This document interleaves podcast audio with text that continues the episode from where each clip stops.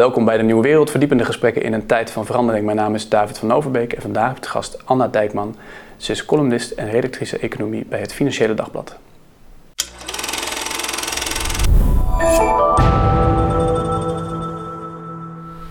Dag Anna. Goedemiddag. Goedemiddag. We hebben zondag het woonprotest eh, gezien in Amsterdam. Allemaal mensen die zich druk maken over eh, stijgende woningprijzen. Eh, mensen die het gevoel hebben dat hun leven niet van de grond afkomt op het moment dat ze geen vermogen kunnen opbouwen of ergens een plekje hebben om te kunnen wonen. Wij gaan vandaag het een en ander proberen uit elkaar te pluizen over wat we daar precies gezien hebben. Wat opviel is in ieder geval een enorme potpourri aan ja, politieke partijen die er eigenlijk omheen hingen als een soort uh, bijen op de honingpot. En, en, eigenlijk iedereen probeerde wel dat protest op de een of andere manier te claimen. En, en te zeggen van nee, het lag aan die, het lag aan die. Je moet ons vooral geloven. Ehm, als ik dan even jou direct op jou afvraag. Wat, uh, welke politieke partij heeft nou volgens jou echt de minste legitimiteit om dat naar zich toe te trekken, dat, uh, dat woonprotest? Oeh, dat vind ik een hele lastige. Juist omdat je ook inderdaad, wat je zegt, hè, er waren zoveel verschillende uh, problemen werden er ook eigenlijk aan de kaak gesteld. Want je hebt mensen die, die willen een koophuis kopen en dat lukt ze niet. Maar er waren ook mensen die heel boos zijn dat ze geen sociale huurwoning kunnen vinden. Hm. En dat zijn echt twee heel verschillende uh, type uh, woningzoekers. Ja. En ja, welke partij, welke politieke partij, ik vind dat lastig. Want we hebben natuurlijk in Nederland, uh, ja, we zitten gewoon met een erfenis van de afgelopen misschien wel 50 jaar van het naoorlogse woningbeleid. Hoe we dat hebben gedaan, hoe we dat hm. hebben ingericht. Welke kanten we hebben gesubsidieerd, welke niet. Dus ik vind het lastig om dat echt één partij aan te wrijven. Wat is die erfenis dan, in grote lijnen? Nou, we hebben uh, best wel ingezet op uh, koopwoningen. Hè? Eigenlijk was na de oorlog was het best wel een klein aandeel van koopwoningen in Nederland. Heel veel huurwoningen. Ja. En er is toen heel erg op ingezet dat meer mensen uh, huiseigenaar moesten worden. Waarom destijds? Wat was het? Nou, dat werd ook gezien als goed. Hè? Uh, goed voor, voor mensen om te hebben. Uh, ook zelf zorgen voor je bezit. Ja. Um, en daar zitten natuurlijk ook heel veel voordelen aan. En dat zijn we toen gaan subsidiëren ook. De hypotheekrenteaftrek bestond wel al langer hoor. Ik bedoel, dat is al iets wat volgens mij rond 1900 ooit is ingevoerd. Dus het bestaat al heel lang. Ja. Maar uh, dat is in elk geval niet minder geworden. En dat hebben we ook heel erg gestimuleerd. En aan de andere kant natuurlijk de sociale woningen. Mm -hmm. En die, dat is natuurlijk ook heel erg gestimuleerd. En dat is ook vrij groot in Nederland. Zeker als je bijvoorbeeld kijkt naar een stad als Amsterdam. Uh, daar is, nou op een gegeven moment, dat is nu minder, was uh, in de jaren 90 was 60% van de huurwoningen, mm -hmm. was een, uh, of sorry, 60% van de woningen mm -hmm. was een sociale huurwoning. Ja. Oké, dus die erfenis bestaat eigenlijk uit twee grote lijnen. Hè? Ja, die allebei door de overheid zijn gestimuleerd en gesubsidieerd. Ja, ja. En het middengedeelte, en volgens mij is dat nu ook echt wel een van de grote problemen, de vrije huursector, de middenhuur, mm. dat, is, dat is er niet echt. Dat is niet echt ontwikkeld. En daar zie je ook wel echt een groot tekort aan woningen. Ja. Waardoor het, ik heb het wel eens in, in een van mijn columns omschreven als een soort, het is een soort kolkende rivier met twee kanten. Je hebt de sociale huurwoning aan de ene kant, daar proberen mensen op te krabbelen. En de koopwoningenkant aan de andere kant, waar ze op proberen. Hm. En ondertussen in die kolkende rivier, dat zijn de mensen die zijn overgeleverd aan de vrije huursector. Ja, die betalen 1650 voor 40 vierkante meter. Als je pech hebt, want er zijn natuurlijk ook wel betaalbare huurwoningen in de vrije sector, maar ze zijn er niet veel. Ja. Ik vond wel dat toch een, uh, voor me één, iemand zei het heel goed op het uh, NOS-journaal. Um, ik wil niet werken om te kunnen wonen. En dat is denk ik misschien wel de kern van het probleem. Ik ben benieuwd hoe jij er tegenaan kijkt. Dat betaalbare woning. Dan wel koop, dan wel huur. Ja, maar dat is dus het gekke aan die koopwoningenmarkt. Uh, eigenlijk is dat nu heel betaalbaar. En dat klinkt gek, want je hebt dus aan de ene kant die hele hoge huizenprijzen die we mm -hmm. zien. En je hebt de betaalbaarheid van woningen. De hypotheek. En, en dat is dus hoeveel mensen kwijt zijn aan woonlasten. En omdat die rente zo ongelooflijk laag is, is het dus voor heel veel mensen uh, behoorlijk betaalbaar eigenlijk. Mits je voldoende inkomen hebt. Als je voldoende inkomen hebt, dat je dus inderdaad dat bedrag kunt lenen. Mm-hmm. Of als je overwaarde hebt, hè, want dat is natuurlijk voor doorstromers is het weer een ander verhaal. Die komen met een berg geld aan mm-hmm. en die kunnen ook makkelijker uh, dus een hypotheek krijgen. Mm-hmm. En dan is het vaak, uh, die lasten zijn helemaal niet hoog.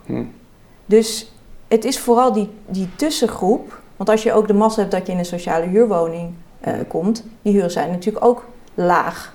En ja, ze zijn gestegen, maar ze zijn nog steeds laag en ze zijn gereguleerd en je kunt meestal uh, huurtoeslag krijgen. Mhm. Maar die tussengroep, ja, die is een beetje overgeleverd. Ja. ja. Nou ja, maar ook als je natuurlijk een, eh, de, lage hypotheek en de betaalbaarheid van, dus de lage rente, de betaalbaarheid van, van een schuld van hypotheek, natuurlijk, dat is laag. Maar het is ook een soort fuik waar je in zwemt. Want de rente staat natuurlijk nu laag, maar die kan eigenlijk maar één kant op, dat is omhoog. Um, Hoeveel mensen zitten nu op dit moment die de veel te dure huizen kopen? Misschien zijn het wel allemaal starters die een tonnetje van hun ouders meekrijgen, maar wel nog een hele hoge hypotheek moeten nemen. Ja. Zetten misschien voor 10, 20 jaar vast. Misschien wel voor 10 jaar. Krijg je 1% rente. Nou, dan mag je over 10 jaar terugkomen bij de bank. Dan kan je er donder op zeggen dat die rente wel een stukje hoger ligt. Dat zou kunnen. Die komen dan wel in de problemen. Ja, de verwachting is dat de rente nog wel een tijd laag gaat blijven. Maar goed, hè, economische voorspellingen daarvan hebben we wel eerder gezien dat die niet altijd uitkomen. Ja. Maar um, uh, en je ziet inderdaad dat heel veel mensen het voor langere tijd vastzetten. 20 uh, eh, jaar bijvoorbeeld. Toch wel, ja. En uh, mensen moeten natuurlijk ook aflossen verplicht. Hè? Ja. Dus dat, dat maakt het ook wel weer heel anders. Want er wordt ook wel vaak gewezen naar 2008. Hè? Toen natuurlijk een enorme crisis op de woningmarkt uitbrak. Ja. Maar er is wel wat dat betreft een groot verschil. Dat mensen niet meer meer kunnen lenen dan de woningwaarde. Dat, dat kon vroeger. Kon je gewoon alles erbij lenen. En, ja, voor je verbouwing en je En je hoeft er niks af te lossen. En dat is nu wel veranderd. Dus in die zin denk ik dat de weerbaarheid van de huizenbezitter is wel wat hoger geworden. Maar natuurlijk, als jij eh, eh, als de rente echt omhoog gaat en jij hebt over tien jaar moet je dat uh, opnieuw over onderhandelen of wat dan ook, ja, dan kan het voor een deel een probleem zijn. Maar ik denk dat dat op zich wel meevalt hoor. Ik denk ja, vooral dat, dat de toegankelijkheid voor een groep, dat dat nu echt een groot probleem is. Ja, dat is ook een belangrijk gevoel wat meespeelt in, in dat protest. Dat, Het gevoel dat mensen hebben dat er een soort trein is die doordendert. En als je er helemaal op zit, op die huizenkooptrein, je hebt ofwel een huis gekocht, hè, dan doe je mee. Uh, neem bijvoorbeeld iemand als, als, Hans de Geus, die ook in zijn boek uh, zegt van... in dit systeem moet je eigenlijk wel een huisjesmelker worden, want dat zijn dat is de manier waarop we nu georganiseerd hebben. Als je iets, uh, nou, hij, hij, praat het dan, hij verdedigt het zo van, uh, ik doe het ook voor mijn kinderen om wat te hebben voor later. En ja, je ziet gewoon dat die huizenprijzen natuurlijk omhoog gaan. Het wordt steeds schaarser. Dus je, je, kortom, je moet meedoen wel met die huizengekte. Maar ja, dat is natuurlijk lang niet voor iedereen weggelegd. En dan krijg je toch wel uiteindelijk een hele enorme scheefgroei. Ja, zeker. Nou, en volgens mij is dat nu ook... Tenminste, ik zie dat wel als een, toenemend probleem. Hè, dat je, je hebt de haves en de have-nots. En het is inderdaad wat je schetst, zo'n treintje. Je moet erop springen. En um, dat werkt uh, vermogensongelijkheid in de hand. Hè. Er zijn nu, ik heb toevallig uh, een paar studies gelezen die, recent zijn uitgekomen. Waarin ook de huizenmarkt eigenlijk als de grootste factor werd gezien voor vermogensongelijkheid in westerse landen. Niet alleen Nederland, hè? ook in andere landen. Ja. En um, en dat is ook in Nederland zo. En het is, het, ja, het is ook een beetje. Uh, het, het rolt ook door. Want als jij ouders hebt die een koophuis hebben. Mhm. En die daar, nou ja, zeker als ze ergens in de jaren negentig, wat dan ook, waarschijnlijk voor heel weinig een huis hebben gekocht. Ja, En nu zitten ze op enorme overwaarde. Ja, die overwaarde gaat dan naar jou toe als kind. Of misschien kunnen ze je daardoor helpen met een huis kopen, omdat zij een hypotheek makkelijk kunnen verhogen en jou dus die jubelton uh, kunnen meegeven. Ja. Um, dus dat betekent dat jij ook al dat treintje in wordt getrokken. Maar voor iedereen die dat niet heeft, die dus niet die rijke ouders heeft, of ja, die, die, die staat wat dat betreft een beetje op achterstand. En is, kan dus ook niet makkelijk dat zelf opbouwen. Ja, en dat treintje natuurlijk niet alleen maar, bestaat niet alleen maar uit uh, huiszoekers die erop willen springen. Maar er is een hele, eh, bijna een hele groep van mensen, ook bankiers bijvoorbeeld, die eraan meewerken. De banken die eh, ook die veel te dure huizen nu op hun balans zetten natuurlijk. Dat is al misschien onwenselijk maatschappelijk. Maar je hebt ook gewoon hypotheken waarbij jij, wat je zegt inderdaad, als jij als, als ouder, je ziet dat je kind niet meekomt en je hebt een overwaarde op je huis. Dan kan je een hypotheek erbij nemen waarbij je die overwaarde eigenlijk gewoon uitbetaald krijgt. En die kan je dan belastingvrij mooi schenken aan je kinderen. Ja. ja, dat zijn natuurlijk wel tekenen aan de wand dat er iets niet helemaal goed gaat als die jubelton op die manier uh, wordt ingezet. Ja, ik weet niet of, of het voor de banken heel erg een probleem is. Want kijk, dat is het ook het aan de Nederlandse huizenmarkt. Uh, dat zag je zelfs in uh, echt het midden van de crisis. Het aantal wanbetalingen op hypotheken hmm. was eigenlijk heel laag. Nederlanders zijn hele trouwe hypotheekbetalers. Trouwe hypotheekbetalers, ja. En, uh, en, en dat is natuurlijk ook het gekke. Kijk, het, wat je net zei, hè, als de rente omhoog gaat en je moet hem opnieuw vastzetten, ja, dan dat kan een probleem opleveren. Maar op zichzelf een daling van de huizenprijzen uh, hoeft niet meteen een probleem op te leveren. Hmm. Het is pas een probleem als jij je huis wil verkopen en het staat onder water. Ja, voor de particulier, ja, precies. Maar psychologisch gezien werkt het al voor veel mensen, dat zag je ook in 2008, dat ze er al een soort verlies ervaren en dat ze bijvoorbeeld ook minder geld gaan uitgeven, omdat ze het gevoel hebben, ik heb een verlies al. Ook al is dat verlies dus helemaal niet op dat moment uh, echt aan de orde, omdat ze hun huis helemaal niet hoeven verkopen. Ja. Dus, ja, ja, ja. Maar ik weet niet of je dus daar meteen zorgen over hoeft te maken. Over die balansen van de banken met die, die huizen. Uh, want dat is zelfs in de vorige crisis is dat niet eens echt een heel groot probleem uh, gebleken. Hm. Maar het heeft wel op andere manieren toen de economie uh, geschaad.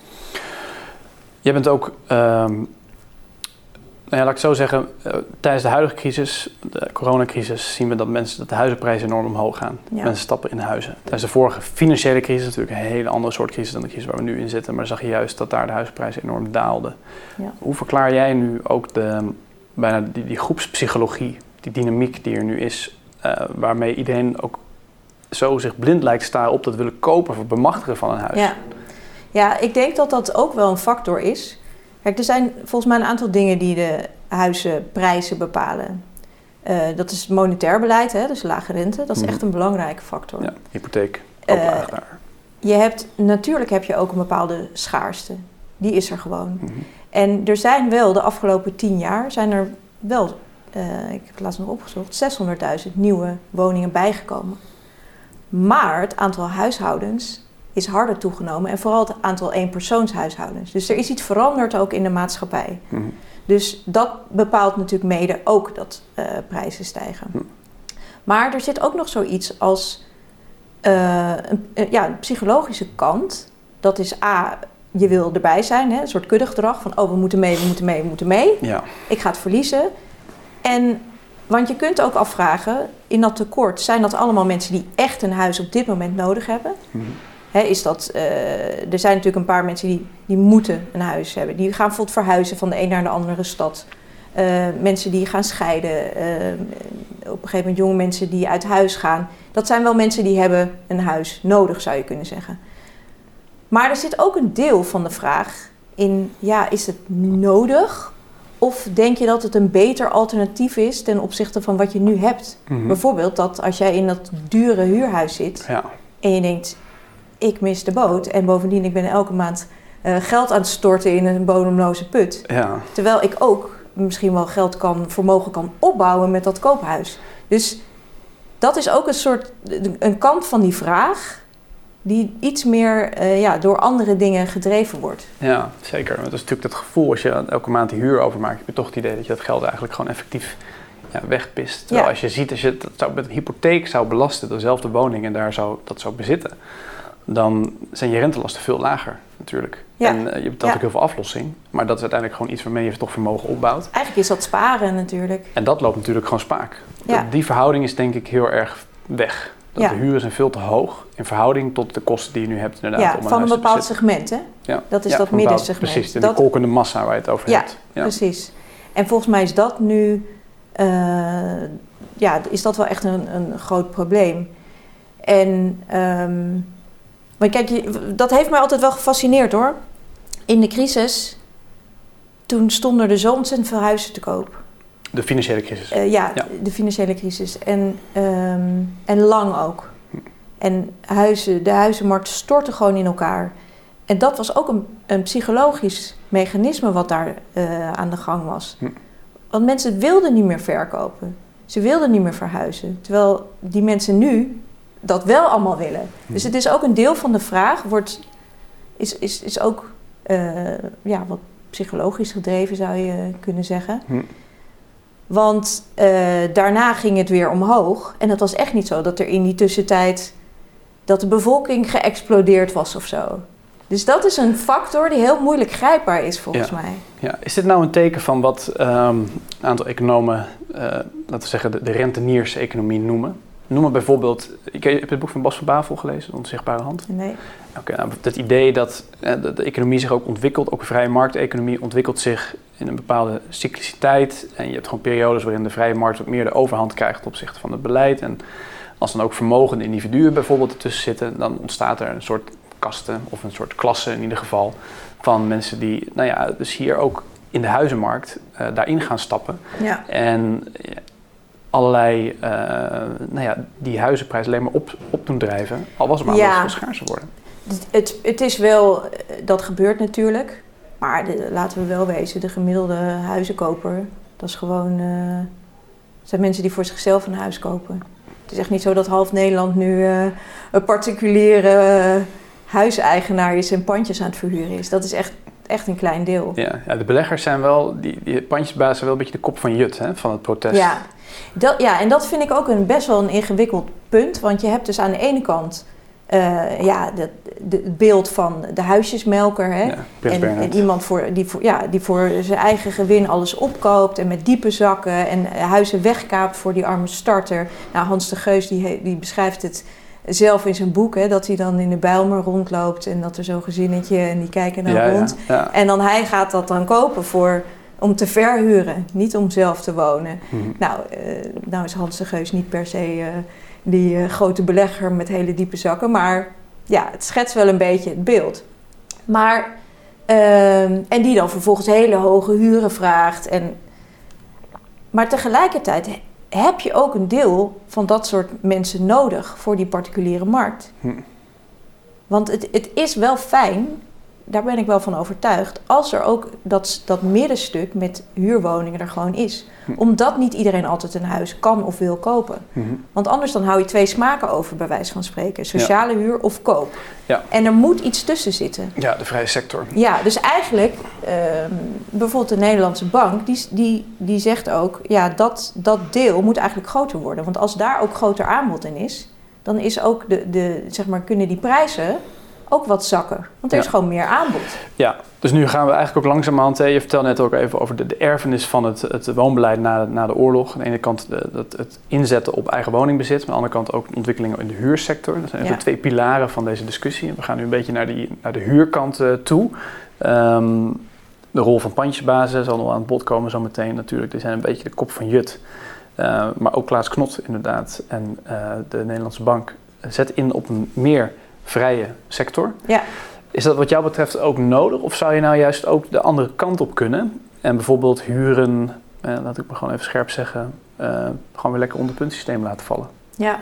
Want de vrije sector is nu natuurlijk eigenlijk alles boven sociale huurwoning ongeveer. En dat is 700, 750 misschien zoiets. En alles daarboven, dat uh, is gewoon is vrije sector. Is vrij, ja. ja. Dat was natuurlijk ook ooit niet zo. Het was ooit helemaal via een puntsysteem uh, waren de huren afgedekt. Uh, ja, ik weet niet of dat voor alle woningen geldt hoor. Ook is veel hoger in ieder geval dan de sociale... Buiten de, de, de, echte particuliere huren. Dat weet ik niet precies. Maar um, ja, kijk, wat, wat de, huren zijn natuurlijk in... Uh, het probleem is ook, huren zijn ook voor vrij sector gereguleerd. Hè. Je mag niet zomaar 10% uh, de prijs erop gooien als je er zit. Hmm. Maar, maar, het punt is, als er een nieuwe huurder komt dan gooien ze het lekker omhoog. Ja, en natuurlijk met de contracten, de, tijdelijke contracten die steeds populairder zijn geworden. Waarvan de, de, regering wel in eerste instantie dacht van, nou dat is een mooie aanvulling. Maar eigenlijk is het nu bijna, in ieder geval in Amsterdam, min of meer de standaard. Ja. ergens maar twee jaar maximaal kan zitten. Om deze reden onder andere. Ja. Dus je wil eigenlijk dat dat segment gezonder wordt. Dat dat normaler wordt. Hoe je dat precies moet doen, Huren moet aantrekkelijker worden. Ik, ja, eigenlijk wel. En, en dat moet ook wel betaalbaarder worden. En je zag, ik heb zelf uh, vorig, uh, vorige zomer, toen was ik uh, op zoek naar een huurwoning in Amsterdam ook. Hm. En toen zag je, dat was in de vrije sector, toen zag je dat die markt best wel was ingestort door de coronacrisis. Corona. Expats weg. Want de expats waren weg. Dus daar zit ook een, een, dat is ook een, een aspect, zeker in die grote steden, dat daar expats komen. En die hebben gewoon hele diepe zakken. Want die komen uit bijvoorbeeld Londen of weet ik veel wat. Uh, die zijn daar bizarre huurprijzen gewend. Die bedrijven betalen dat gewoon. En denken, ja, 2000, 3000 euro huur. Hm. Prima. Dus kunnen ze dat ook vragen. Zodra die wegvielen, nou, er ging echt met duizenden ging, uh, de huurprijs naar beneden hoor. Hm dat was echt, ik vond dat ook echt fascinerend om te zien. Maar dit is volgens mij ook nog niet echt het segment waar die kolkende massa, als waar we het net over had, denk ik, echt op zit te azen. Voor mij is dit ook alweer, dit is toch het vrij hoge segment volgens mij. Nou ja, als je een gezin hebt, dan heb je gewoon een grotere woning nodig. Kijk, er wordt ook wel soms heel erg gekeken naar alleen maar de, de, de, de mensen in de stad, de, alleen, die alleen wonen, de starter. Maar ja, hmm. een stad bestaat uit meer mensen. Er zijn ook gezinnen die ergens moeten wonen. Ja. Dus ja, dan heb je al heel snel te maken met een iets hogere huur. Mhm. Maar uh, natuurlijk kan niet iedereen die huren betalen, dat is absoluut waar. Maar je moet ook niet vergeten, als je kijkt naar een stad als Amsterdam, er is gewoon best wel een groot deel dat een hoger inkomen heeft. Mhm. Als je kijkt, er zijn van die ehm, overzichten gemaakt, hè, de verdeling van de sociale huurwoningen, vrije huurwoningen, koopwoningen en de inkomensplaatjes, zeg maar, of hoe de inkomens verdeeld zijn in Mhm. Amsterdam. En dan zag je eigenlijk dat het een jaar of tien geleden dat het best wel scheef zat. Dus dat er eigenlijk te veel sociale huurwoningen waren ten opzichte van de lage, het aandeel lage inkomens. Hm. Het aandeel koopwoningen was, is historisch heel laag in eh, Amsterdam. Het is nu wel wat hoger. Het is nu volgens mij 30 procent ongeveer. Hm. Misschien al iets hoger. Dus daar zat ook iets, iets scheefs. En dat komt ook omdat er, ook in Amsterdam, een deel van de sociale huurwoningen wordt gewoon bewoond door mensen voor wie het eigenlijk niet echt bedoeld is. Hm. Die al een hoger inkomen hebben. Maar ja, waar moeten die naartoe? Die kunnen ook nergens heen. Nee, dus Want ik begrijp heel goed dat je ja. daar blijft zitten. Ja, want die willen dan, en dan kom je toch weer terug bij, bij dat protest, die willen niet werken om te wonen. Dus je kan wel een hoger inkomen hebben, maar als de huurprijzen natuurlijk ook gewoon mee omhoog gaan, Ja, dan gaat toch nog gewoon een, een significant gedeelte van je maandinkomen gaat naar huren Ja, uit. En, en dan dat- bouw je geen vermogen op ook nog eens een keer. En het, ja, het, het blijft natuurlijk gewoon heel lastig dan. ja, maar als je wel een, een, het alternatief hebt om misschien wat duurder te huren, maar hè, dat je daar weet ik veel, een kwalitatief betere woning misschien voor krijgt, of iets meer ruimte of weet ik veel wat, Hm. dan zullen mensen misschien dat wel sneller doen. Ik weet het niet hoor. Ik bedoel, als jij in eh, Jordaan eh, kunt wonen voor een paar honderd euro, eh, zul je dat niet snel opgeven Ja, natuurlijk. ja. Maar het is ook wel weer gek, want die sociale huurwoningen zijn bedoeld voor mensen met een laag inkomen. Mhm. En die kunnen dus vervolgens er niet wonen, omdat er iemand woont die eigenlijk veel te veel verdient. ja. Dus dat zijn de scheefwoners. Ja, Ja. maar goed, dat hebben ze ook al wel proberen aan te pakken. En dat is ook al minder geworden hoor, het aantal scheefwoners. Ja. Maar ja, je kan natuurlijk mensen moeilijk dwingen omdat ze ergens gaan wonen waar ze meer huur gaan betalen. Tuurlijk, maar ja, waarvoor anders krijgen we straks dat iedereen in een sociale huurwoning woont Ja. of in een koopwoning. Ja. Ook mensen die eigenlijk gewoon een prima inkomen hebben. Ja. Dus dat is ook de, nou, dat kan ook een optie zijn hoor. Als- Als we dat willen als land, van iedereen in een sociale huurwoning. ja, voordat we daar zijn, dat is uh, wel eventjes duren denk ik. Maar ja, dan ja, krijg je ook een beetje, ja, wat wil je allemaal precies gaan reguleren en eh, hoe groot wil je de taak van de overheid maken? Ja, maar toch die ongelijkheid en het gevoel. Hè, ook, het is natuurlijk niet alleen maar gevoel, het is ook als je ziet dat mensen voor hetzelfde aantal vierkante meters uh, hypothecair gezien veel minder betalen als koopwoning, maar jij tegelijk elke maand dat bedrag blijft ophoesten voor de huur, voor een vergelijkbaar pand. Dan is dat is natuurlijk een uitdrukking van de, de bredere economische ongelijkheid die mensen voelen, de toenemende Ja. ongelijkheid in Nederland. En dit is daar een uitdrukking van. Ja. En daar moeten we natuurlijk wel, noem het reguleren, maar er moet wel iets gebeuren om dat recht te trekken. Ja, maar je moet ook niet vergeten, want dat vind ik dat nu soms wel een beetje wordt gedaan alsof uh, een huis kopen een soort van uh, gegarandeerde vermogensopbouw is. Je koopt ook altijd een risico met een woning. Dat lijkt me een beetje te zijn vergeten, maar ik heb zelf ook als huizenbezitter de crisis meegemaakt in 2008. En toen was het gewoon, uh, je, je geld verdampt gewoon. Dus je verliest gewoon geld dan. En het kan natuurlijk altijd, hè, we kunnen niet in de toekomst kijken. Ook tot 2008 was er een gevoel, huisprijzen die gaan alleen maar omhoog. Dat kan nooit naar beneden gaan. Ja, dat weet je gewoon niet zeker. Je hebt niet de garantie. En dat is natuurlijk wel als huurder, heb je niet dat risico. Nee, heleboel mensen, dat schrijft Hans de Geus ook, hè.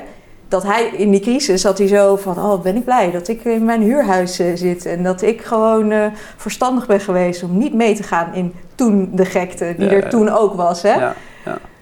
Dus ja, Toch, toch lijkt deze gekte nog wel weer wat langer aan te houden. Ook de banken, ABN AMRO onder andere, die toch projecteren dat dit jaar in ieder geval de huizenprijzen nog met een aantal percentages zullen stijgen. Ook Ja. volgend jaar nog. En dat Ja. heeft natuurlijk onder andere gewoon mee te maken dat er kunnen nou één, al geen nieuw, snel nieuwe woningen bij worden gebouwd. Eh, Ja. Maar twee, ja, die rente zal nog wel laag blijven. De betaalbaarheid blijft gewoon eh, op, op peil. In een zekere zin. Je kan gewoon, die, die, hypotheekrente blijft gewoon ja, laag. ja, dat is gewoon het bizarre ook aan dit verhaal. Dat je dus, je hebt een groep die kan het, voor wie het onbetaalbaar is. En je hebt een groep voor wie het eigenlijk bijna te makkelijk te betalen is. Ja. En dat is een soort hele gekke paradox die je nu ziet. Het is wel wat de verwachting is dat het tekort ook gaat oplopen. Dat het in 2024 ongeveer tot een soort van hoogtepunt komt. En dat het daarna gaat afnemen. Hm. Nou is tekort één van de factoren, want ja, die lage rente wordt wel gezien als belangrijkste drijver voor uh, de prijzen in elk geval. Maar daarna zal het misschien wel makkelijker worden om een huis te vinden. En uh, wat je ook nog ziet, is dat is meer over een jaar of tien, dat de babyboomers, die gaan ook huizen verlaten. Hm. Die, gaan, ja, die, die gaan dood of ze gaan naar een uh, uh, bejaardentehuis of verzorgingshuis. Bejaardentehuis hebben we niet echt meer, maar... Dus demografisch gezien komt er dan meer... Dus je krijgt ook een ehm, dat er dan best wel veel eengezinswoningen bijvoorbeeld vrij gaan komen. Want zij hebben relatief veel koopwoningen, veel meer dan hun ouders bijvoorbeeld. Die hadden dat eigenlijk uh, veel minder. En um, wat volgens mij ook nog wel een punt van zorg is, want er is nu heel erg dat idee van we moeten bouwen, bouwen, bouwen. Wat gaan we precies bouwen? Want wat willen projectontwikkelaars? Die willen heel graag eengezinswoningen bouwen. En dat willen ook vaak gemeentes doen. Terwijl dan gaan we dat nu doen. En dan over een jaar of tien hebben we ja, misschien wel een overschot aan die eengezinswoningen. Want wat zie je in de huishoudensontwikkeling? Niet de groei van gezinnen. Hm. Je ziet één persoonshuishoudens, alleenstaande, jongeren vooral en ouderen vooral. En dan vraag ik me af, ja, wat zijn we nu precies aan het doen? Want als je kijkt naar de nieuwbouwproductie van de afgelopen vijf jaar, twee derde één gezinswoningen. De huishoudensgroei zat hem vooral in die alleenstaanden. Hm. En volgens mij is dat ook nog een punt dat het dus voor een bepaalde groep moeilijker is om een huis te vinden. Omdat we daar eigenlijk niet genoeg voor bouwen. Is dat woonprotest dan eigenlijk ook, als ik het een beetje politiek incorrect zeg, is het ook een beetje een luxe protest? Mm. Mensen willen toch groter wonen, meer vierkante meters voor minder personen. Het is absoluut waar dat we meer eisen zijn gaan stellen aan wonen. Je ziet eigenlijk het aantal vierkante meters per persoon oplopen. Hè? Ja. Uh, woningen worden vaak groter. Ja. En ook als één persoon. Hè? Uh, we, we, krijgen kwalitatief veel betere woningen. Ik woon zelf nu in een, uh, tijdelijk in een huurhuis. En daar is de afgelopen 30 jaar eigenlijk niks aan gedaan. Dus het is een beetje alsof ik een soort van terug, teruggeworpen word in de tijd of zo. Dus het is enkel glas met een hele gammele verwarming. Dus het is altijd een beetje koud en er groeit schimmel op de muur. En oh, ja, ja. Eh, ik moet, uh, nou we zijn uh, met uh, zes personen in huis. We hebben geen afwasmachine, dus je moet heel veel afwassen. Ik heb een heel klein, we hebben een heel klein boilertje, dus het is douchen met de tijdsklok. En dan zie je ook weer dat gewoon de meeste woningen, echt niet allemaal hoor, er zijn natuurlijk ook nog steeds kwalitatief slechte woningen in Nederland, maar de meeste woningen zijn kwalitatief zoveel beter geworden in de afgelopen 40 jaar. En, en dat, ja, dat beseffen we misschien niet altijd helemaal. En ik wil absoluut niet zeggen dat het daarmee een luxe probleem is hoor, dat mensen niet moeten zeiken en uh, het komt al goed. Maar ja, ik denk dat er voor een deel soms. Um, ja, als je jong bent, is het dan erg om een woning te delen bijvoorbeeld? Ja, het was vroeger veel gewoner. Ja. Sterker nog, als je heel ver vroeger, in de tijd gaat, waren er gewoon belastingen voor mensen die zelfstandig wonen. Dan moest je een belasting betalen of je moest iemand in huis nemen. Oh, nou ja, kijk. Ja, zie je, dan ga je al wel de hele tijd terug natuurlijk. Maar ja. ja, dat was toen ook, de prikkels waren toen ook beleidsmatig, zeg maar, fiscaal en uh, gewoon binnenlands beleid. Ja. Was zodanig om, om eensgezind, dat was natuurlijk al de tijd van de wederopbouw. Maar goed, je had het net ook over de erfenis van, van het woningbeleid. Ja, ja, ja. En woningruimte was natuurlijk toen extreem schaars, natuurlijk, na de Tweede Wereldoorlog. Ja. Maar goed, zou je, dit soort uh, maatregelen komen nu wel ook weer steeds naar boven.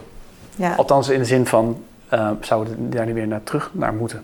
Ik zeg terug, maar dat je, dat je het aan minder aantrekkelijk maakt voor mensen om zoveel vierkante meters te gaan zitten. En dan met name misschien ook wel, waar je het zelf over had net, uh, oudere mensen. Ja. Die toch heel, ik zie het ook in mijn eigen familie. Mensen die toch, en het is ook, terecht ook, want ze vinden het fijn en ze hebben het prettig. Het is een plekje, weet je wel, je bent helemaal vergroeid met dat huis. Ja, en je wil zijn er vaak leeftijd. opgegroeid. Precies, dus je hebt al je herinneringen. Ja. Maar ja, je zit wel in je eentje, soms uiteindelijk nog, of met z'n tweeën, in vaak een kast van een huis. Ja. ja, ik vind dat lastig, want ik vind dat wel heel erg ingrijpen in de persoonlijke uh, keuzes van mensen. Hè? En dan krijg je een beetje in een soort, ja, ik vind dat iets te veel een... Uh, ja, een beetje een communistische planeconomie dat je dan mensen als het ware gaat toewijzen aan een huis. Hè? Ja, ja. Van oké, jij moet eruit, want jij, uh, jij moet naar dat flatje. En die mensen die mogen dan in jouw eengezinswoning. Ja, ja dat, ik, dat zijn een, een soort tekentafeloplossingen, vind ik dat. Maar, het, het gesprek daarover hebben, is dat denk je niet wel heel... Toch wel, niet van dat we het gelijk gaan doen op die manier, hè, maar dat je... Dat hoeft mij betreft ook niet. Maar in ieder geval, je had het net ook over de, die erfenis die toch denk ik heel erg meewerkt. Ook als ik jou hoor spreken van van het naoorlogse woningbeleid. Dat eigen woningbezit als heel belangrijk wordt gezien. Je ziet ook bij veel mensen bij de woningprotest van... Nou ja, mijn leven komt niet van de grond, want ik ben ZZP'er, ik bouw geen pensioen op... en ik heb geen huis, ik bouw geen vermogen op en ik betaal dus ook een hoge huur. Dus ik moet zo'n eigen woning hebben. Ja. Zo'n tunnelvisie op, ik moet een woning hebben. En, en terecht ook soms. En soms ook misschien wat minder. Um, tegelijkertijd zie je ook bijvoorbeeld bij ouderen... ik zie het ook in mijn eigen familie... Uh, dat we op allerlei manieren, niet direct maar wel op indirecte wijze stimuleren dat mensen in, in, een, in een woning blijven zitten. Ja, zeker. Dus lang met lange thuiszorg, uh, ja. weet je wel, niet naar dat het verpleeghuis. Is beleid. ja, klopt. En dat is ook beleid. Ja. Dus er, zitten wel, er zijn natuurlijk wel prikkels die, die dat stimuleren. Ja. En die dat, ja, Nee, dat is wel het resultaat van dat beleid. Ja, maar daarom is het dus ook wel belangrijk dat we niet alleen maar eengezinswoningen bouwen, maar dus ook kijken naar interessante uh, alternatieven. Bijvoorbeeld voor die mensen die nog in hun eentje in zo'n groot huis wonen. Als zij een mooi appartement kunnen kopen, bijvoorbeeld, waar ze zich ook prettig eh, voelen, misschien wel in hun oude omgeving, mhm. dan zullen ze misschien die stap ook sneller maken. Maar als er niks is, als het alternatief is van ja, uh, wat moet ik dan op een flatje gaan zitten ergens of zo? Terwijl je daar woont met een mooie tuin, weet ik veel wat. Ja, ja, ja, dat ga je dan natuurlijk niet doen. Ja. Dus, uh, dus ik denk, maar ik denk dat het wel belangrijk is dat, dat er ook in die woningbouwontwikkeling ook naar die groep wordt gekeken. En ja, ook, dat gebeurt ook wel hoor, met zorginitiatieven erbij en zo. Maar ja, ik vind, het, ik vind het wel lastig hoor, want je gaat dan mensen echt, zou je ze ja, uit hun huis willen krijgen. Maar wat wel ook, er zijn volgens mij wel wat initiatieven hier en daar om bijvoorbeeld splitsen van woningen makkelijker te maken. Uh, ik denk niet dat dat een enorm uh, groot uh, effect zal hebben hoor. Maar dat kun je als gemeente natuurlijk wel faciliteren dat mensen die in een enorm pand wonen, dat ze bijvoorbeeld de bovenverdieping. Ja, je ziet nou juist in Amsterdam dat dat, dat splitsen heel erg wordt tegengewerkt. Ja. Dat, dat, dat, dat, ze juist van af willen. Ja, omdat ze ook heel erg van die verkamering, hè. Dan, dan kopen ze een etage en dan worden het ineens allemaal mini, mini huisjes. Ja. Dus ik weet ook niet of dat nou de ontwikkeling is die, uh, die op uh, die kant, uh, of die nou op willen gaan. Maar wat ook nog wel interessant wat jij net zei, hè, van... Um, uh, ik kan geen huis vinden, ik kan geen vermogen opbouwen. Eh, ik vraag me ook wel eens af, zeker in de grote steden, ehm, hoe mensen ook kijken naar waar ze kunnen wonen. Want ik heb soms ook wel het idee dat er heel erg, en dat is misschien, dat geldt echt niet voor iedereen, maar voor een deel, uh, ja, het wordt geloof ik door makelaars het boerderij op de dam uh, syndroom genoemd dat ze heel veel eisend zijn ook. Wat er allemaal moet voor in dat huis. En dat ze wel in een bepaalde buurt willen wonen. Ja. Want er wordt gezegd, ja, ik kan niks meer kopen voor dat en dat bedrag. En ik denk, nou, in de Bijlmer, volgens mij kun je daar prima wat kopen. Maar ja, daar wil je dan niet wonen. En begrijp ik ook wel dat je daar eisen aan stelt. Maar ja, kijk ook verder of zo, weet je. Er, er, is, er is meer dan alleen maar die, die stad. Ja, dat, dat snap ik ook wel. Aan de andere kant denk ik, ja, als je echt lage prijzen wil, dan moet je in oude Pekela gaan wonen. Of je gaat in Axel of zo in Zeeuws-Vlaanderen. Maar ja, dan ben je ook, dat, dat is echt aan de rand van Nederland. Maar het is, het is zelfs zeg maar in, in, de, in gewoon het midden van Nederland, de Utrechtse Heuvelrug, de Veluwe. Uh, gewoon tussen zeg maar Arnhem, Apeldoorn, Deventer. Amsterdam, Den Haag, Rotterdam, dat, dat, dat stukje Nederland uit, dat is ontzettend duur. Het is ook gewoon heel moeilijk om toch bereikbaar van werk op een goede plek te wonen. Ja, zeker. En dat, dat heb je ook wel gezien dat dat eerst in Amsterdam die gekte een beetje ontstond. En dat heeft zich nu echt wel veel meer uitgebreid naar de rest van het land. Maar er zijn nog steeds best wel veel regionale verschillen. En daarom is het ook nog wel, ja, de, de woningmarkt is wat dat betreft ja, eigenlijk moeilijk om uh, voor heel Nederland te spreken. Hm, ja. Het is toch al snel dat we het over de Randstad uh, hebben. Ja. Want er zijn ook delen van Nederland waar ze te maken hebben met krimp.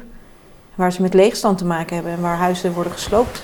Om het nog een beetje aantrekkelijk te houden. Dus ja, dat is weer de andere kant. Maar ja, daar willen we dan weer niet wonen. Of kunnen we niet wonen, omdat daar bijvoorbeeld geen banen zijn. Dus... Ja, ja, ja. Ik denk dat toch wel misschien ook een kwestie van willen is soms. Dat je toch denkt, ja, dat, je, dat is... En dat zou denk ik ook misschien een onderdeel van het gesprek kunnen zijn. Ik hoor nog weinig dat... Mensen lijken ook wel soms het idee te hebben dat ze recht hebben op een bepaalde plek te wonen. Ja. En dat zou ook wel, dat moet natuurlijk heel belangrijk zijn. Dat je op een goede plek kan wonen waar je je lekker voelt. En waar je goed uh, dicht bij je werk en dergelijke. Maar het is nou ook eenmaal inherent aan dat een woning ergens staat op grond. En dat als daar een woning staat, dat, dat, het is ook gewoon, het, zit vast natuurlijk. Helemaal waar. En je hebt natuurlijk een stad, daar zit altijd schaarste. Hm. Want je kunt, niet, je kunt niet nog een Jordaan erbij bouwen. Of we moeten het helemaal plat gooien en overal flats, uh, van die Chinese flats uh, erin zetten. Ja, ja. Maar dat willen we natuurlijk niet. Hm. Dus er zit ook altijd aan de stad verbonden zit een element van schaarste. En je kunt natuurlijk een beetje proberen stadsverdichting. En, uh, maar ja, je, ja, daar ga je niet alle mensen die in een bepaald deel of binnen de ring willen wonen, kun je daar nooit helemaal mee helpen. Hm. En, um, en, en, je wil tegelijkertijd, wil, je wil natuurlijk niet dat zo'n stad alleen maar van de rijken wordt, bijvoorbeeld. Hm. Maar goed, met 30% eh, koopwoningen valt dat ook nog wel mee uh, in Amsterdam. Nou, is er nog één, uh, denk één aspect wat nog een beetje onderbelicht is geweest in, uh, in ons gesprek. Als we het hebben over koopwoningen natuurlijk aan de ene kant, sociale huurwoningen aan de andere kant. En dan de kolkende massa waar je het over had, die eigenlijk probeert om in een van de twee terecht te komen. maar zich moet hand en tand moet bevechten tegen hoge huurprijzen. is de rol van coöperaties, of corporaties, sorry. Je had het uh, net ook al even over de erfenis. En zei, nou ja, de eigen woningbezit gestimuleerd. De andere kant natuurlijk inderdaad het sociale woningbeleid. Natuurlijk ergens in 1994 is ook dat hele puntensysteem herzien van, van het huren. En is toen de, uh, ja, zijn de huren meer geliberaliseerd en meer losgelaten. En dat heeft mhm. natuurlijk ook nu bijgedragen aan ja, de stijgende huurprijzen die we nu zien op dit moment. Ja. En de rol van corporaties wordt erin nog wel eens uh, tegen het licht gehouden. En er wordt van gezegd, nou ja, die, zijn gewoon, die zitten gewoon eigenlijk vast. Die corporaties kunnen nergens heen, die kunnen geen beleid maken. Ze zijn eigenlijk ontmanteld of de stoelpoten worden onder, ja. onder de stoel weggezaagd. Hoe kijk jij er tegenaan? Nou, kijk. Um, er zijn op papier, moet ik er wel bij zeggen, in feite genoeg sociale woningen voor de, de doelgroep. Wat bedoel je? Nou, voor de mensen voor wie die sociale woningen bedoeld zijn, hè, dus met een bepaald inkomen, mm dat is eigenlijk, daarvoor hebben we genoeg sociale woningen. Alleen er zit dus een deel niet, die zit nog in die woningen die niet uh, tot die lage inkomens eigenlijk ja, hoort. En een dus deel staat in Limburg, terwijl mensen eigenlijk in Precies, je hebt ook nog inderdaad verschillen uh, per regio. Um, maar eigenlijk hoeven die, die, die corporaties Um, die hoeven niet eens ontzettend te gaan uh, bijbouwen om te voldoen aan die groep, zeg maar, om die groep te huisvesten. Hm. Dus ook nog een ontwikkeling dat je ziet dat uh, we krijgen steeds meer laag of minder laag opgeleiden in Nederland. Nou, laag opgeleiden hebben meestal een, een, lager inkomen. Dus de verwachting is eigenlijk dat die groep, voor wie dat dus ooit bedoeld is, dat die ook in de toekomst kleiner gaat worden. Niet per se groter. Dat zou natuurlijk ook die rol van die woningcorporaties kunnen veranderen. Van oké, we moeten die grens misschien oprekken. Hm. Niet meer tot een modaal inkomen, maar daarboven. Hm. En nog verder daarboven. Ja, waar moet je die grens dan leggen? Dat vind ik ook een lastige. Ja. Of moet je die ook dus gaan mee laten doen in dat tussensegment. Dat vrije sectorsegment. Dat, daar zitten woningcorporaties ook in. Ja. Um, en kijk, met, die, met die, uh, dat vrijlaten van die, van die huren. Uh, want ja, aan de ene kant zou je kunnen zeggen, ja, waarom reguleren we dat niet gewoon? Hè? Dan heb je die hoge prijzen misschien ook niet. Maar dan heb je ook veel minder mensen die daar überhaupt iets in willen doen. Dus die daarin willen investeren. En die woningen moeten gebouwd worden. Dus of je moet die taak dan helemaal bij de woningcorporaties leggen. Ja, ja precies. Of je moet zeggen, nou ja, oké, we, we, we willen die... Ik weet ook niet of de woningcorporaties aan die taak kunnen voldoen. Nou ja, nu niet bijvoorbeeld omdat ze de verhuurdersheffing betalen. ja, maar dat is echt niet, dat is echt, dat wordt natuurlijk enorm door die corporaties aangegrepen van ja, we kunnen helemaal niks meer, want verhuurdersheffing. Maar dat is een beetje krokodillentranen, nou, wat jou betreft. Dus er zijn, de voorspellingen zijn uh, dat dat in de toekomst dat het lastig voor ze wordt om hun uh, financiële verplichtingen, hè, om die, om die uh, opgaven die ze hebben, om daaraan te voldoen. Mhm. Maar op dit moment hebben ze eigenlijk geen probleem, financieel gezien. Mhm. En ja, ik zou ook als woningcorporatie enorm lobbyen om die verhuurderheffing eraf te krijgen. En ik vind het ook het is een beetje een, een onzinheffing hoor. Voor mij mogen ze het meteen afschaffen. Maar we moeten ook niet doen alsof dat nou alles heeft gestopt of zo. Dat is ook uh, een beetje onzin. En dat hebben woningcorporaties zelf. Er zijn onderzoeken geweest. En dan zeggen ze eigenlijk dat dat niet het voornaamste probleem is in. Uh, als, zij, als het niet lukt om te bouwen. Hm. Nee, dat zijn de vergunningen en de grond. Ja, ja. Daar zit het probleem. En dat is ook wel waar je gemeentes op kan aanspreken. Van joh, get with the program, weet je. Ja, maar goed, ja, dat is natuurlijk ook bij gemeentes zie je dat ze met heel veel verschillende tongen praten. Je kunt met de ene afdeling zeggen ze het kan, de andere afdeling zegt het kan niet. Of dan komt de afdeling grondprijs zegt nou gaan we het toch niet doen. Of af... ja. Die, en, en daar zit natuurlijk ook een probleem, een, een, probleem aan centrale regie. Absoluut waar, dat is precies wat ik wou zeggen. Want dat is dus ook, eh, eh, het CPB heeft daar twee jaar geleden ook nog een, een soort boekwerkje over gemaakt. En daar zeggen ze ook, de lokale belangen, dus van gemeentes, maar ook provincies, die lopen niet altijd gelijk met het een soort van een grotere belang. Mhm. Dus ik denk echt dat je daar een soort centrale regie uh, op nodig hebt. En het is wat in, in dat licht bezien is het ook echt wel een beetje krankzinnig wat uh, Stef Blok ooit heeft gezegd. Van nou, hè, ik heb mijn eigen ministerie opgegeven, fantastisch. Het had al in de jaren zestig had het al klaar moeten zijn en onzin en de markt kan het helemaal doen. Nee, natuurlijk niet.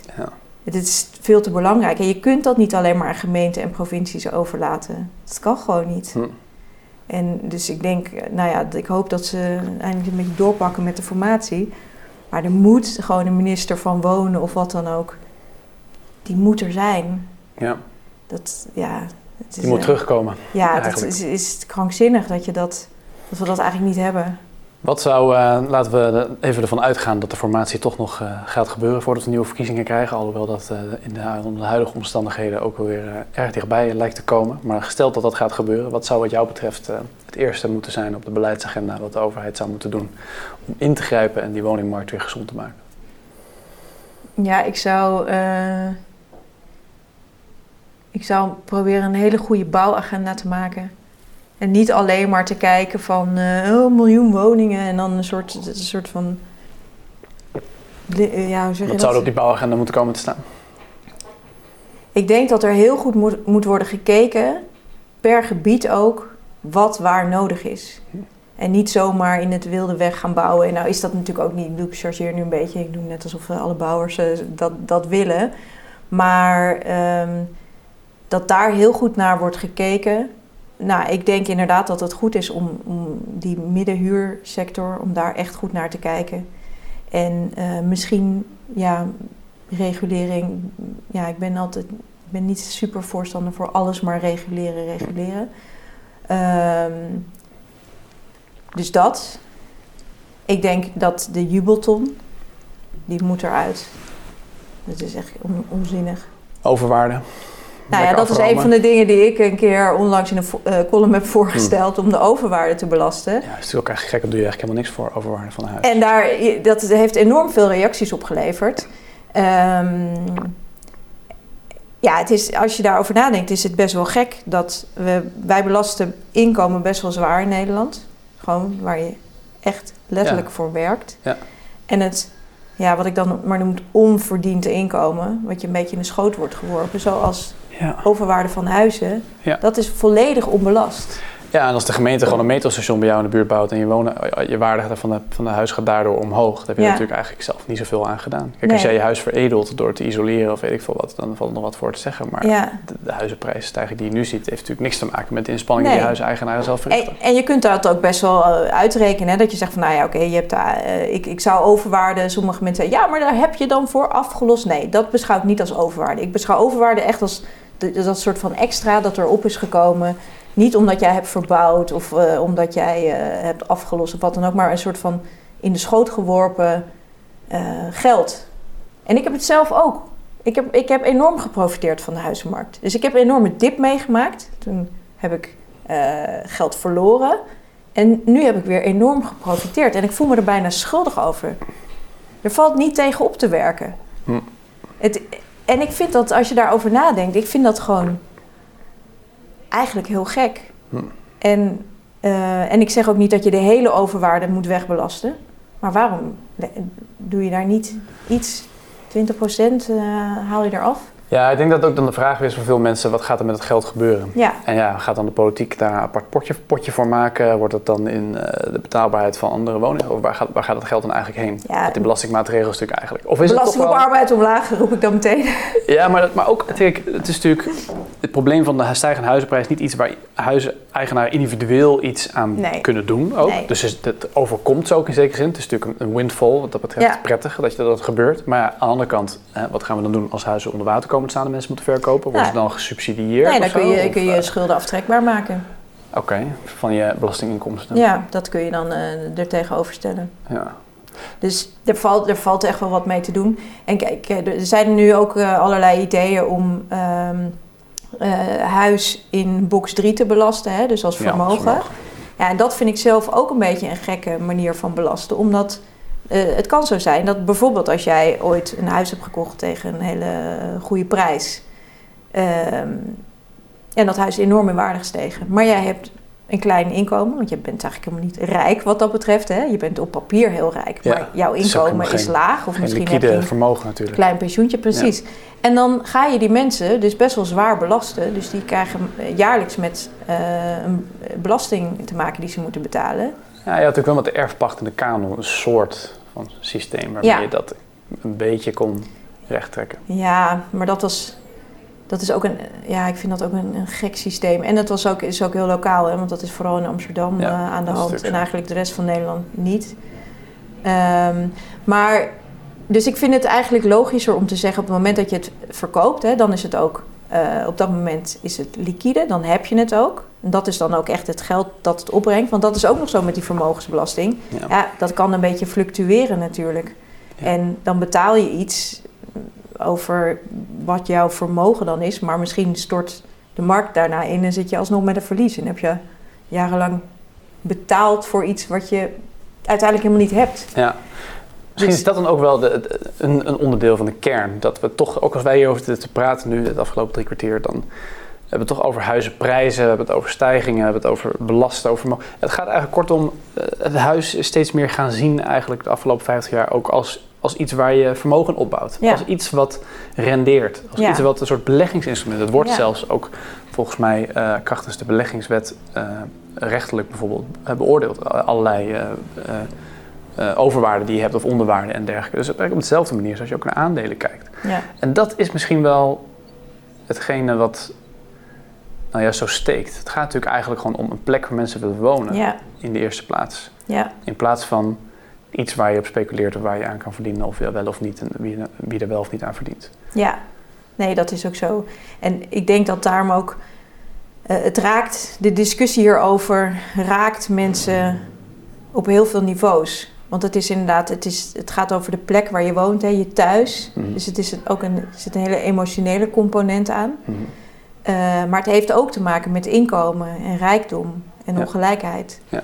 Dus het, het raakt zoveel verschillende aspecten van je leven eigenlijk. En ja, daarom houdt het mensen natuurlijk ook enorm bezig. Ja. Dat begrijp ik ook wel. Ja.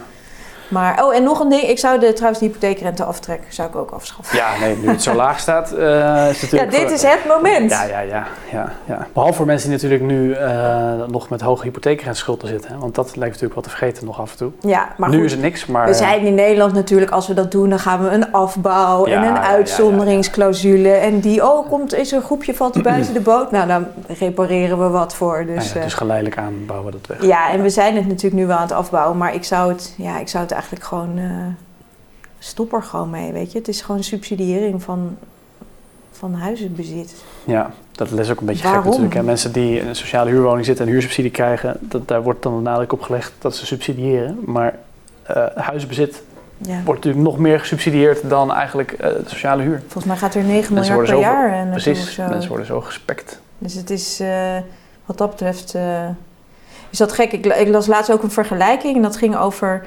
ehm, het voordeel, het, eh, het subsidievoordeel dat een huiseigenaar heeft ten opzichte van een huurder. Ja. En dan werd subsidie wel breed genomen, want dan werd ook eh, het gezien als subsidie dat overwaarde niet belast wordt. Hm. Eh, en daar kwam volgens mij een verschil van 20.000 eh, euro gemiddeld per jaar uit of zo. Ja, ja, kan je nagaan. Goed. Dus wat, wat, uh, wat hebben we daar gedaan? We created a monster. Ja, ja. Het beest, um, beest moet getemd worden. Dat is, het, dat is de uitdaging voor de komende tijd. Goed. Anna Dijkman, dankjewel. Graag gedaan.